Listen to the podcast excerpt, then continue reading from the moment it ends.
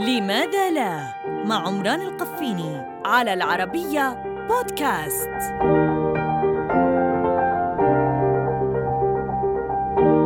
لماذا لا يصدأ خنجر توت عنخ آمون المصنوع من الحديد؟ هذا الخنجر حديدي وصاحبه توفي قبل الميلاد بثلاثة عشر قرنا تقريبا.